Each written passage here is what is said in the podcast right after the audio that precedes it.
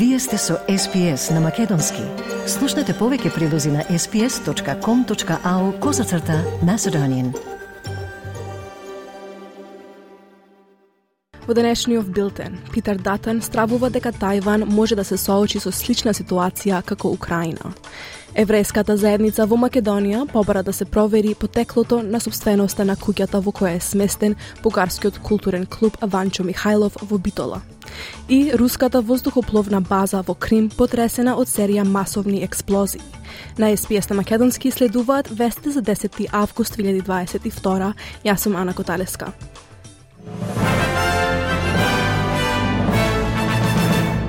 Лидерот на опозицијата Питер Датен стравува дека Тајван може да се соочи со слична ситуација како Украина, доколку западните сојузници не се спротистават на воената агресија на Кина во регионот.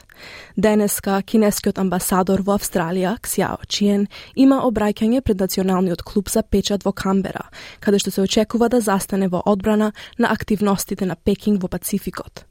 Тензиите продолжуваат да растат во регионот, а Австралија и Соединетите држави се обидуваат да се спротистават на кинеското влијание во Пацификот. Господинот Датен вели дека Австралија нема да го дозволи кинеското мешање во тајванскиот теснец. The visit by Speaker Pelosi to Taipei uh, is no different to a visit that she would have made to Tokyo uh, or to other parts of Asia. Uh, we, we, we want peace and security in our region. Nothing more, nothing less. We want to be treated uh, as an equal. Uh, and the propaganda that you're seeing coming out uh, is similar to what you would see come out of North Korea or out of Russia, and it needs to be called out. Премиерот на Соломонските острови Манаса и Согаваре вели дека односите на неговата земја со Австралија се подобруваат. Тензиите се должат на безбедносниот договор што Соломонските острови го подпишаа со Кина предходно оваа година но господинот Соговари се состана со австралискиот министер за меѓународен развој и Пацифик, Пак Конрој, во Хониара. За СПС, тој рече дека неговата земја сака да соработува со Австралија, велејќи дека какви било тензии меѓу двете земји повеќе личат на семени несогласувања отколку на долготрајна расправија. It's a partner of choice. We made it very clear. And thank mm -hmm. you very much. We have a very fruitful discussion and meeting this morning. And in a, in a family, we will have differences, mm -hmm. but you know, we, we, we sort them out. Министерот Конрој најави дека Австралија ќе даде скоро 17 милиони долари за да им помогне на Соломонските острови да бидат домакини на Пацифичките игри следната година. Патниците во Нов Јужен Велс се соочуваат со прекини и денеска, бидејќи одредени услуги се откажани поради индустријска акција. Возовите не работат на линијата Eastern и Лавара и за линијата на Јужниот брег, на кои обично патуваат околу 70.000 луѓе. Синдикатот за железници, трамваи и автобуси вели дека акцијата била наменета да предизвика главоболки за раководството и владата, а не за патниците. Синдикатот се обидува да обезбеди промени во новата флота на возови и да постигне нов договор. Извршниот директор на Sydney Trains, Matt Longland, изјави за радиото 2GB дека утринските и попладневните линии ќе бидат погодени.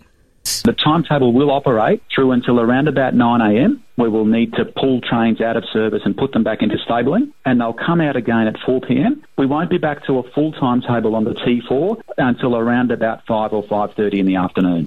Членовите на семејството на покојната Оливија Ньютон Џон велат дека ја прифатија понудата за државен погреб.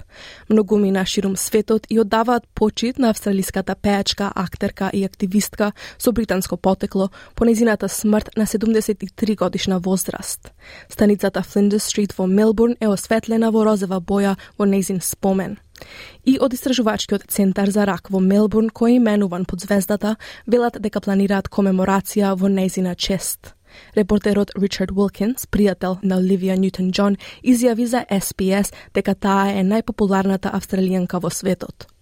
Just that laugh of hers was an just an infectious laugh. And the last time I introduced her, I described her as the most popular Australian on the planet. And nothing's changed since then to make me change my opinion. Од петок, маските на 95 ќе бидат бесплатни за жителите на Викторија, како дел од новата владина стратегија за борба против ширењето на коронавирусот. Повеќе од 3 милиони маски ќе бидат достапни на местата за тестирање, во здравствените центри и во јавниот превоз во следните 4 до 6 недели. Министерката за здравство во Викторија, Мери Ан Томас, ги охрабрува жителите да искористат иницијативата. We'll get the masks out to community health services, through our PTV networks, uh, at GP respiratory uh, clinics, and indeed at our testing sites. And I encourage all Victorians to take advantage of this initiative. Од Зелената партија велат дека ќе притискаат сојузната влада да спроведе договор и комисија за вистината, покрај воспоставувањето на домородниот глас во парламентот. Домородната сенаторка од редовите на Зелените, Лидија Торп вели дека домородните заедници веќе пет децении повикуваат на договор. treaty is the only way that will truly mature the nation. And a voice to Parliament, the Makarata Commission, they all fall under a treaty. Uh, so I'm excited to be to be a part of that, but also to bring back the old voices that have been calling for treaty uh, for not five years, uh, but for five decades.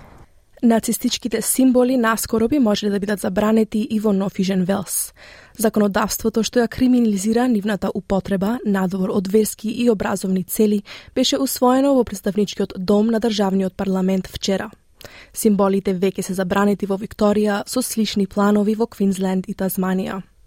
Ако законот е усвоен во Сенатот, престапниците би може да се соочат со една година затвор и парична казна од 11.000 долари, а компаниите со казни од 55.000 долари.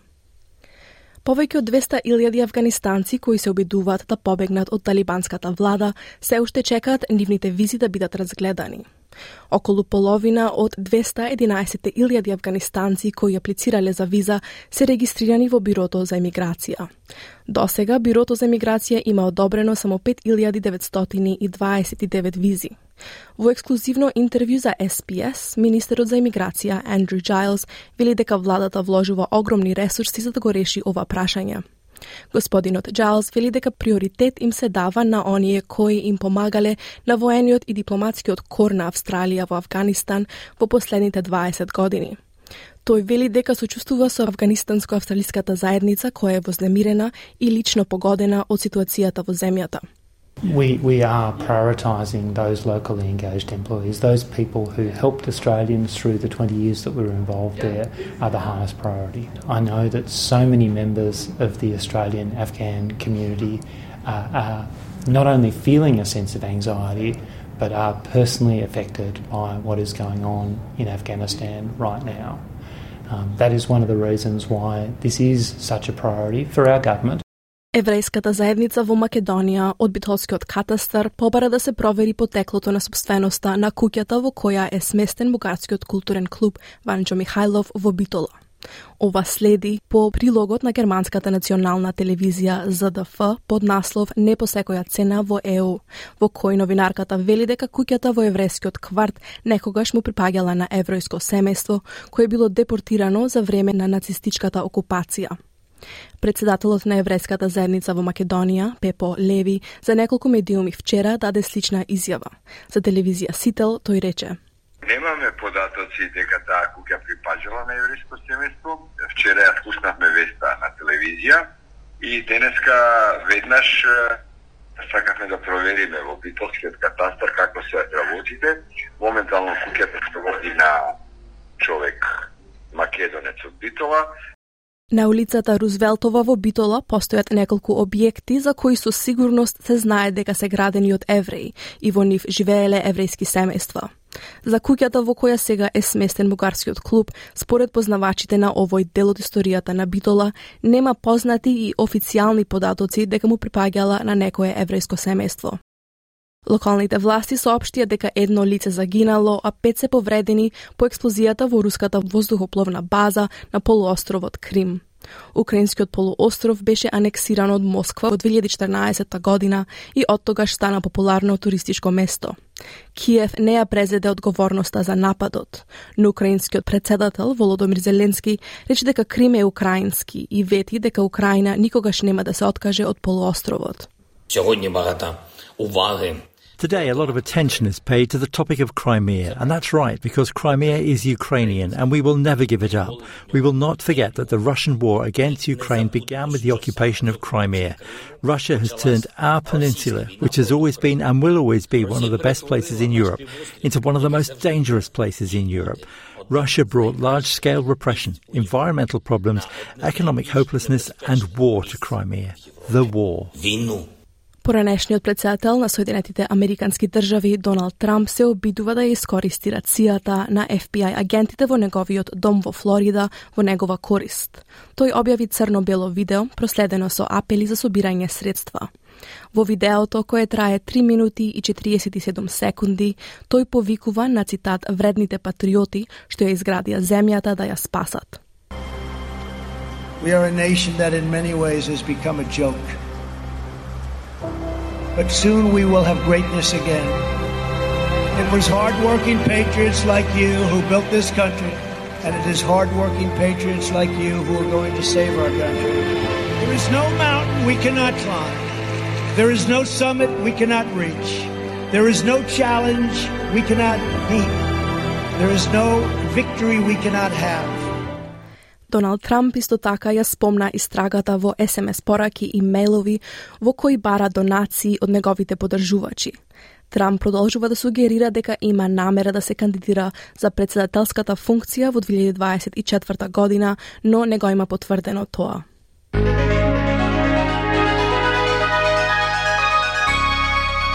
Од најновата курсна листа, денеска еден австралиски долар се менува за 0,68 евра, 0,70 американски долари и 41,50 македонски денари. Додека еден американски долар се менува за 59,61 македонски денар, а едно евро за 60,70 македонски денари. И на кратко временската прогноза за главните градови за утре, четврток 11 август. Делумно облачно во Перт 19 степени. Краткотрајни слаби врнежи за Аделаид 16 степени, врнежливо во Мелбурн 15. 15 во Хобарт со слаби повремени врнежи, повремени, слаби повремени врнежи во Канбера 13 степени, облачно за Сиднеј 19 степени, делумно облачно во Брисбен 22, 32 за Дарвин со делумно облачно. И слаби повремени врнежи за Алис Спрингс 17 степени.